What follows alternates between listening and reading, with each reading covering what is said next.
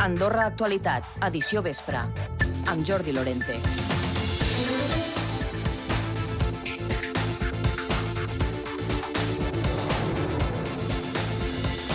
Benvinguts a aquest temps d'informació a la sintonia de la ràdio pública. Fins a dos quarts de nou estarem connectats amb l'actualitat avui fora de temps eh, per la durada d'aquesta sessió de Consell General, de la qual en farem part, eh, resumint el que han estat aquest munt d'hores en els pròxims minuts, com una de les qüestions destacades del dia. Però parlarem, a banda de, del Consell General, d'altres coses que també han estat protagonistes avui, com aquesta vaga que hi ha hagut a diversos centres d'educació francesos al decurs de la jornada d'avui per la protesta per la llei de Macron que vol eh, modificar el que són les pensions, l'edat de jubilació, entre d'altres, perquè passi de 62 a 64 anys. Força seguiment ha tingut el país i també escoltarem Conxita Marsol. S'ha referit a qüestions de l'habitatge o, o també què passarà amb el seu futur immediat sobre si anirà a les eleccions o no. Bé, com diem, parlarem d'això, ens ocuparem també de la plana internacional, parlarem una mica d'esports i també del temps. Tot això en els pròxims minuts, amb Toni Escur a la direcció tècnica, us saluda davant del micròfon Jordi Lorente. Anem.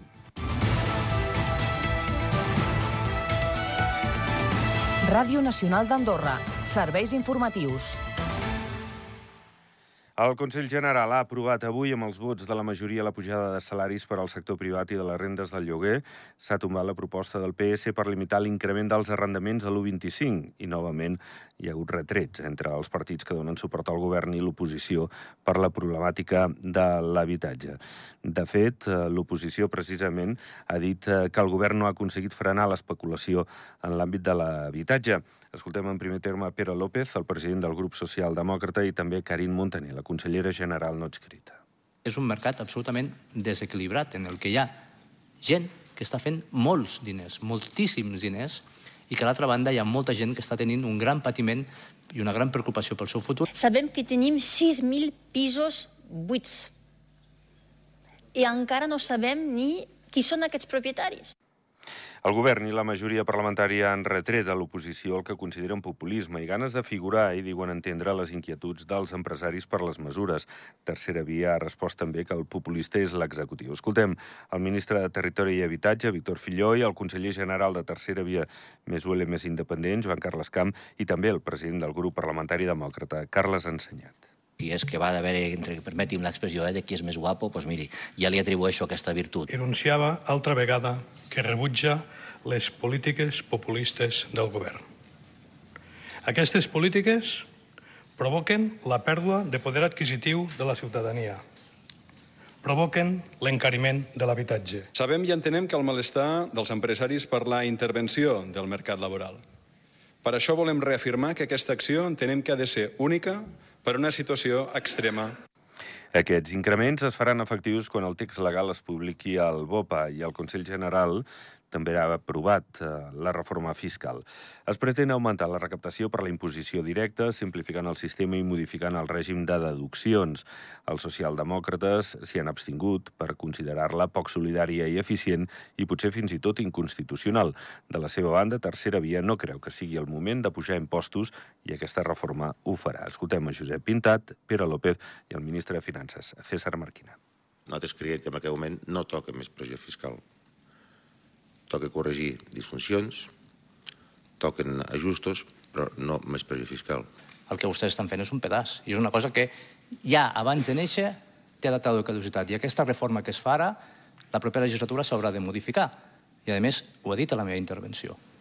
Em sembla, ens sembla que pot haver-hi mm, dobles imposicions i possibles eh, recursos amb liquidacions fiscals per eh, un tema d'inconstitucionalitat perquè hi ha sectors i empreses que el que paguen en el comú per la seva, pels seus hipotètics eh, beneficis és més del que els hi correspon eh, pagar a nivell de la seva comptabilitat. Vostè ha tingut l'oportunitat d'entrar totes les esmenes com a grup parlamentari amb aquest projecte de llei per, si és el cas, eh, modificar aquestes, eh, aquestes inconstitucionalitats que aparentment diu que, que es poden generar i, i no ho han fet. Remarcar el, el caràcter d'aquesta norma que és eminentment de simplificació, de justícia fiscal i d'homologació a nivell internacional. Bé, més coses, com diem, un Consell molt ple avui, PS i Karim Montaner no han donat suport a la llei de biomedicina, que sí la tenia la resta de grups, eh, un suport eh, doncs, que no han donat els socialdemòcrates, s'hi han abstingut, mentre la, general, la consellera general no escrita hi ha votat en contra. Consideren que s'ha redactat amb massa pressa per un text legal tan complex i massa pensat perquè es pugui implantar el laboratori de recerca de grífols. Des del govern i la majoria s'afirma que permet dotar de seguretat jurídica la recerca. A més, també s'ha donat llum verd per assentiment al conveni d'Oviedo, que estableix límits a la recerca en biomedicina. Escoltem des de la bancada socialdemòcrata la presidenta suplent, la Judit Salazar, a la consellera general no escrita, Karim Montaner, i també el ministre de Salut, Albert Font. No hem de parlar de noms, de noms propis, però les presses i les mancances que té la llei també fan sospitar. A la legislatura passada vam treballar, per exemple, lleis com l'història clínica, eh, drets i deures del pacient, on vam, vam fer moltes comissions, mesos, mesos de debat. I per una llei tan complexa, amb poques comissions ja vam tancar el tema. Que justament és amb una legislació que, que sigui mesurada, que sigui pensada i que sigui preparada gràcies al treball que s'ha fet en comissió, que tinc entès que ha sigut llarg i meritori, que aquests riscos podran estar, si no anul·lats, en tot cas, eh, anava a dir controlats. Una llei, aquesta de recerca i innovació biomèdica, que és fruit d'un treball intens en comissió. És un text complex, més ètic i tècnic que no pas polític, i que ha de donar cobertura a tots aquells projectes que es desenvolupin al país en l'àmbit de la biomedicina. Laura Massego. La llei de recerca i innovació biomèdica regularà tota la recerca que es desenvolupi a Andorra, ja sigui en medicaments, productes sanitaris o mostres biològiques, així com totes aquelles dades que se'n derivin. També serà d'aplicació en anàlisis per detectar malalties genètiques en la recerca amb mostres embrionàries i si es desenvolupen biobancs. A més, el text encomana al govern la creació d'un registre on es publiquin tots els resultats de qualsevol recerca biomèdica que es faci al Principat. Per a qualsevol recerca que es vulgui dur a terme, caldrà caldrà l'avaluació d'una comissió ètica d'investigació, l'autorització final o la suspensió de qualsevol projecte en el cas que es detecti un risc per a la salut de les persones dependrà de l'autoritat sanitària. A més, es garanteix la confidencialitat de les dades personals que es derivin de la recerca. Aquest text amb el conveni d'Oviedo, que ha de garantir els drets humans en aquest àmbit de la investigació i la recerca biomèdica, és el que ha de permetre la implantació ordino del Laboratori de Recerca en Immunologia de Grífols.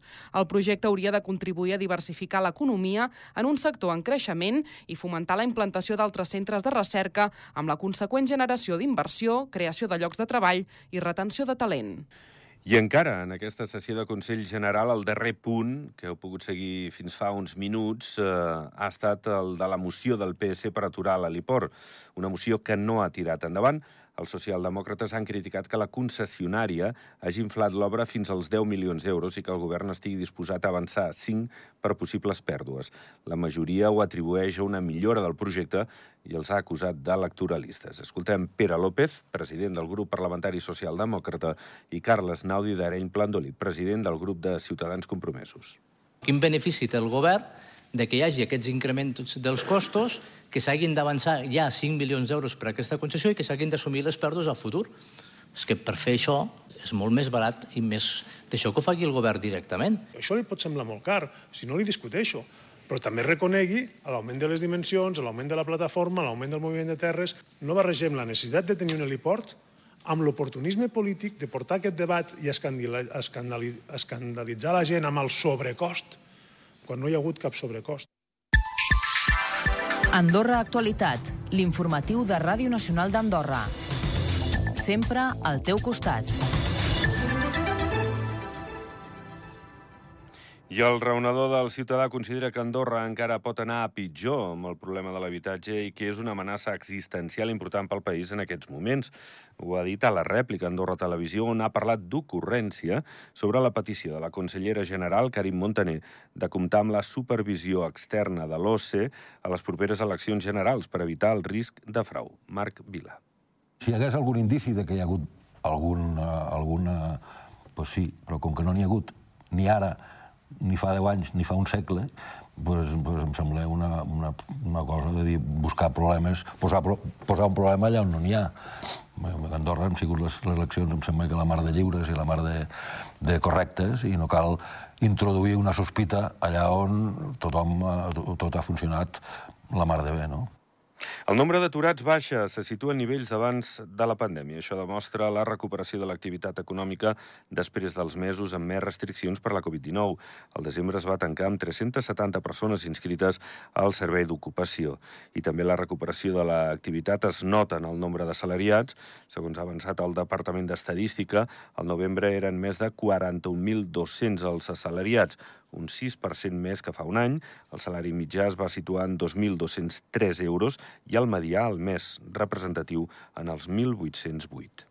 Encara més dades. L'any passat es va recuperar l'entrada també de visitants, van venir un 50% més de turistes i excursionistes respecte del 2021.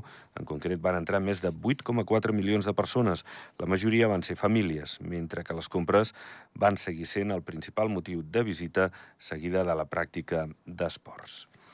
I aquest dijous s'han organitzat centenars de mobilitzacions a França per protestar pels anys mínims de cotització i la frontera dels 67 com a edat mínima de jubilació. A Andorra també s'han fet actes de rebuig als centres educatius francesos.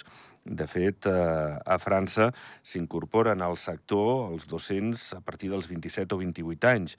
Si se'n demanen 43 de cotització, tenint en compte que no hi ha hagut baixes, la data de jubilació s'enfila als 70. Per això, creuen que la mesura està feta per baixar pensions i reduir la despesa del govern. N'ha parlat el membre de la Federació Sindical Unitària de la Funció Pública, Christophe Noguer. L'objectiu és que la gent no hi arribi per eh, tenir unes pensions molt més baixes que les que podríem pretendre. Però si tu no, no arribes al, al, a la, al període total de cotització et treuen 5% de la teva pensió per any. Sempre són les mateixes eh, receptes que, antigues que es fan servir, no? Allargar, eh, endarrerir, eh, reduir, i, i això jo crec que volem dir prou. Noguer afegia que una mesura tan poc popular no pot ser democràtica i que l'estat francès hauria de plantejar un debat social en profunditat sobre el rol de la gent gran, la perspectiva laboral dels joves i la situació del mercat. A França, a partir de 55 anys, només una persona de dos treballa. És a dir, que no té sentit eh, endarrerir l'edat de jubilació, no? I jo crec que eh, tot això s'ha d'analitzar amb una altra perspectiva. La reforma que es vol implantar gradualment preveu que el 2030 l'edat mínima de jubilació se situï en 64 anys. I l'afectació més en números és que uns 1.700 alumnes haurien quedat sense escola a primera ensenyança. El seguiment ha estat del 50% i a l'ICI Comte de Foix, 3 de cada 4 professors no han fet classe. En xifres, uns 130 professors s'han afegit a la vaga. Un, senti, un seguiment destaquen des de el que és l'ensenyament francès al país, molt destacat. En parla el delegat d'aquest ensenyament francès, Denis de Kerle. C'est une forte, on constate pour la, première fois effectivement en Andorre une, mobilisation très forte, euh, je veux dire, à l'encontre de ce, projet de réforme des retraites. I la Comunitat de Treball dels Pirineus, que inclou set territoris transfronterers, ha posat sobre la taula els problemes i els obstacles que pateix la població. Ho ha fet aprofitant la celebració a Barcelona de la cimera franco-espanyola, encapçalada per Pedro Sánchez i Emmanuel Macron. Veuen la trobada com una oportunitat per buscar solucions, reobrir els passos fronterers bloquejats per França des del 2021, desenvolupar les infraestructures transpirenenques, fomentar la descarbonització i promocionar l'hidrogen renovable són algunes d'aquestes reivindicacions. I Andorra la Vella preveu la possibilitat de pagar els dos principals projectes urbanístics a preu assequible de la parròquia. Conxita Marsol assegura que el Comú té capacitat econòmica per fer-ho, tot i reconèixer que no seria l'opció més òptima. Aquestes dues propostes sobre la taula d'aquesta construcció de pisos a preu assequible són a Ciutat de Valls i Santa Coloma. Els plans del Comú passen per treure aquest febrer els plecs de bases i concessionar-ne els més costosos d'aquests dos projectes, en aquest cas a 60 anys. Conxita Marsol, la cònsol. Nosaltres preferiríem haver-ne d'assumir un, perquè és veritat, però si fos el cas, capacitat en podríem tindre. Nosaltres voldríem que com a mínim un ens sortigués per concessió. Si són els dos, doncs millor, però com a mínim un que ens sortigués per concessió. On també hi ha novetats és en la política d'aparcaments. S'ha tancat el de l'estació d'autobusos i en els pròxims mesos també el de davant de la Creu Roja. Més d'un centenar de places que deixaran d'existir, però que el Comú preveu cobrir amb les 180 noves que es disposaran al terreny de l'antic magatzem del COEX. Aquell terreno de la plaça de Braus ja el teníem llogat, ja pagàvem el lloguer. L'altre també, eh, deixarem de pagar un lloguer i donarem el mateix servei a la ciutadania i encara més mm -hmm. perquè tindrem més places. D'altra banda, aquesta setmana s'ha acabat el termini per presentar-se al concurs d'idees de la plaça del Poble, un projecte que el podria tirar endavant el pròxim comú. I Conxita Marsol no concreta si anirà a les llistes de les eleccions generals, assegura que li agradaria acabar el mandat comunal, però que només ho deixaria si pogués ser present als comicis en una posició alta a les llistes. Anar a un lloc menys d'un dos o tres a la nacional jo no valoraré però que m'ofereixin això que no m'han ofert ni molt menys ni n'han parlat eh, tampoc vol dir que diga que sí vull dir, ja ho veurem. Però clar, jo el que no aniré és a tancar una llista. Jo no, no plegaré del comú, m'explico, per anar-me'n a tancar una llista la Creu Roja i l'Escola Andorrana ultimen la cinquena campanya de donació de sang. Serà entre l'1 i el 3 de febrer al Centre de Congressos d'Andorra la Vella. La voluntat és augmentar el nombre de donants. El Banc de Sang i Teixits té les reserves molt baixes. Des de la pandèmia, les donacions han anat disminuint de manera generalitzada i fan un crit d'alerta. En parla el secretari general de la Creu Roja, Joan Saurí. Per lo que ens passen del Banc de Sang es necessiten 260.000 bosses a l'any és moltíssim. Nosaltres n'aportem 1.500, que, aproximadament 1.400, 1.500, que està molt i molt bé. No la podem fer de cap altra manera que no per una extracció. No hi ha una sang sintètica, per tant, l'única manera de treure-la és eh, a través d'aquestes donacions altruistes. L'objectiu és arribar a les 400 donacions, també augmentar el nombre de nous donants, que en el darrer any va caure en picat. Totes les persones entre 18 i 70 anys poden donar sang, els homes 4 vegades a l'any i les dones 3. Els alumnes de l'Escola Andorrana de Segona Ensenyança seran clau en aquesta campanya. En parlen tres d'ells, l'Iria Martos, l'Àleg Martín i el Didac Molina. Vam fer el nostre tríptic final, que eh, té aquest logo i tota la informació que es necessita per poder ser part d'aquesta campanya de dones de sang. El nostre repte és arribar als 400 donants en aquesta campanya. Així que us animem a que vingueu a donar la sang per augmentar donacions i poder salvar encara més vides. Per últim, us, eh, us recordo que el dia de la donació de sang, tant alumnes com, com els donants, haureu de portar mascareta. Bé, doncs això serà de l'1 al 3 de febrer al Centre de Congressos d'Andorra la Vella. Fem una pausa a les 7 i 21, dos minuts i tornem. Perdó, les 8 i 21, dos minuts i tornem. Andorra Actualitat Connecta amb l'esport. Connecta amb la nacional. Sempre volem més, més energia, més potència, més llum, córrer més ràpid. I potser hauríem de plantejar-nos si això té sentit. Si ho necessitem, tenim un futur a conservar, un planeta a protegir, i només ho podem fer junts. És el moment de parar i pensar plegats. Ho sabem fer millor. Estalviem ara. FEDA. Nosaltres sabem lo important que és per a tu i els teus el vostre niu, així com l'arbre que el sosté. Per això a Cent Mobile, amb l'ajuda de les nostres marques, t'ajudem a alçar el teu niu, aportant-li confort i seguretat. Regar l'arbre i fer país és feina de tots. Ara més que mai. Cent Mobile, especialistes en confort i descans. Carrer Riberaigua 41 i Avinguda Tarragona 34, Andorra la Vella. Telèfon 860 934. Com es comportaran els mercats financers el 2023? La inflació continuarà marcant el ritme de l'economia? 2023. Canvi de paradigma. Com invertir en aquest nou entorn? Conferència amb David Macià, director d'inversions i estratègia de mercats de crèdit andorrà Asset Management. Dijous 26 de gener a les 7 del vespre. Assisteix en persona o online. Inscriu-t'hi trucant al 88 88 88 o a les xarxes socials. Crèdit andorrà. Del 13 al 19 de març, Soldeu i el Tarter tornaran a ser l'escenari de les finals de la Copa del Món d'esquí alpí masculí i femení. Viu aquest esdeveniment des de les grades o gaudeix de l'espectacle des de les àrees VIP. Compra ara la teva entrada a granvalirasoldeuworldcup.com Gran Valira, the place to be a champion. Ràdio Nacional d'Andorra, al 94.2 de l'FM i AndorraDifusió.d. Andorra Actualitat. En plan internacional, dues qüestions. França i Espanya han buscat estrenya llaços amb una reunió bilateral d'alt nivell a Catalunya. Els dos estats han signat un tractat d'amistat i cooperació que s'ha batejat com a Tractat de Barcelona, un document que eleva les relacions entre tots dos països en la mateixa línia que França ja manté amb Alemanya i Itàlia, o Espanya ja té també amb Portugal. Les dues delegacions han signat els acords bilaterals amb la firma dels respectius ministres implicats. Després Sánchez i Macron han rubricat el document en si, poc abans de les 3 de la tarda. Al final de la trobada, el president espanyol Pedro Sánchez i el francès han comparegut en roda de premsa per fer-ne la valoració. L'actor i productor nord-americà Alec Baldwin serà processat per homicidi involuntari per la mort de la directora de fotografia Halina Hutchins durant el rodatge de la pel·lícula Rust l'octubre del 2021. Ho ha anunciat aquest dijous la Fiscalia de l'Estat de Nou Mèxic, que acusa del mateix delicte l'encarregada de seguretat del rodatge, Hannah Gutiérrez Reed. Un tercer acusat, David Halls, l'ajudant de direcció que va donar l'arma a Baldwin, ha acordat amb la Fiscalia que el processin per un delicte menor ús negligent d'una arma mortal. Andorra Actualitat.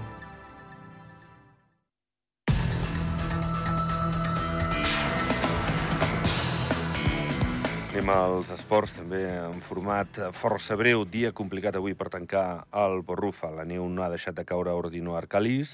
De vuit mànegues que s'havien de fer, només se n'han completat dues. S'ha cancel·lat l'eslàlom sub-16 i s'ha pogut fer el gegant sub-14 a la pista de les Canals amb només una mànega.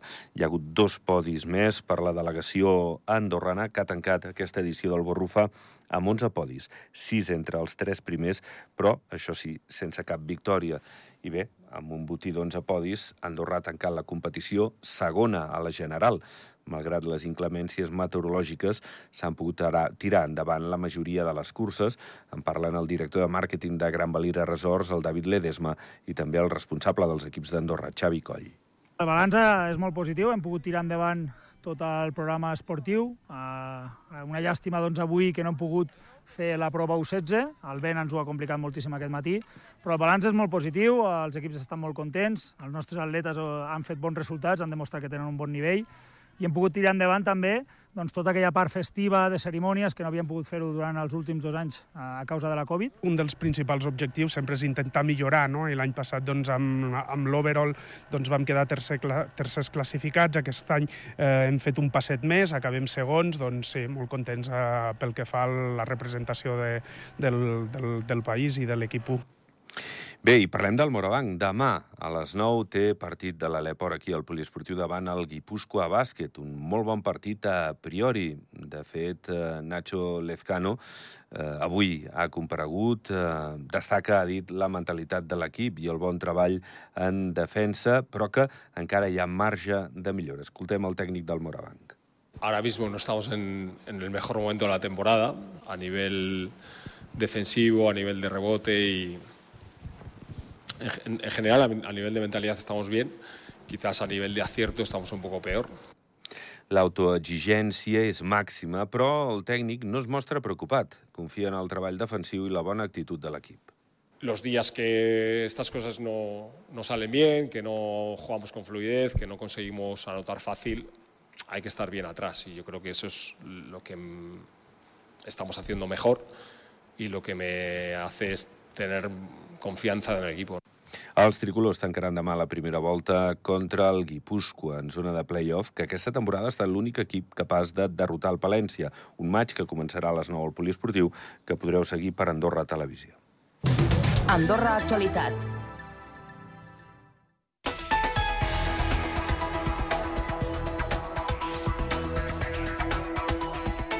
I anem a parlar del temps perquè la neu, efectivament, com ja ens avisava el Josep Tomàs, ha arribat des de fa un parell d'hores, podríem dir, eh, crec que totes les cotes del país. Ara ens ho confirma el Josep. Josep, bon vespre. Hola, Jordi, bon vespre. Doncs sí, una situació meteorològica encapçada per l'arribada d'aquesta nova pertorbació que doncs, està afectant fins a cotes de 700 eh, metres d'alçada.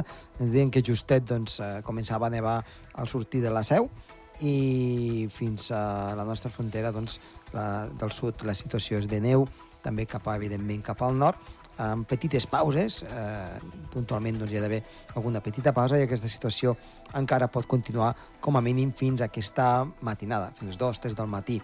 Després, doncs, a poc a poc s'anirà apaivagant cap al sud i encara continuaria una miqueta cap al nord, amb fort vent i amb molt baixes temperatures.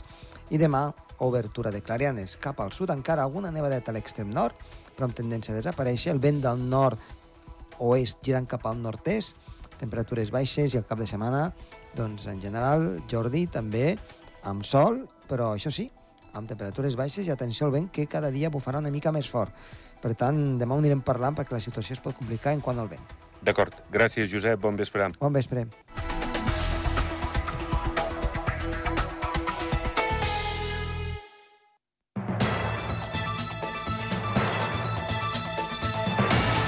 Bé, doncs ho anem deixant gairebé mitja hora d'informació en aquest Andorra Actualitat que ha anat fora del seu temps habitual. Començàvem poc després de les 8 del vespre. Demà sí, demà estarem aquí a les 7 amb el format habitual d'una hora amb la nostra tertúlia. Recordeu, podeu continuar informats als butlletins horaris. Demà des de les 7 del matí també aquí a la Ràdio Pública. I ara, en no res, en un quartet d'hora, Andorra Televisió i també 24 hores al dia andorradifusió.d. Que vagi molt bé, bon vespre, fins demà. Ràdio Nacional d'Andorra. Serveis informatius.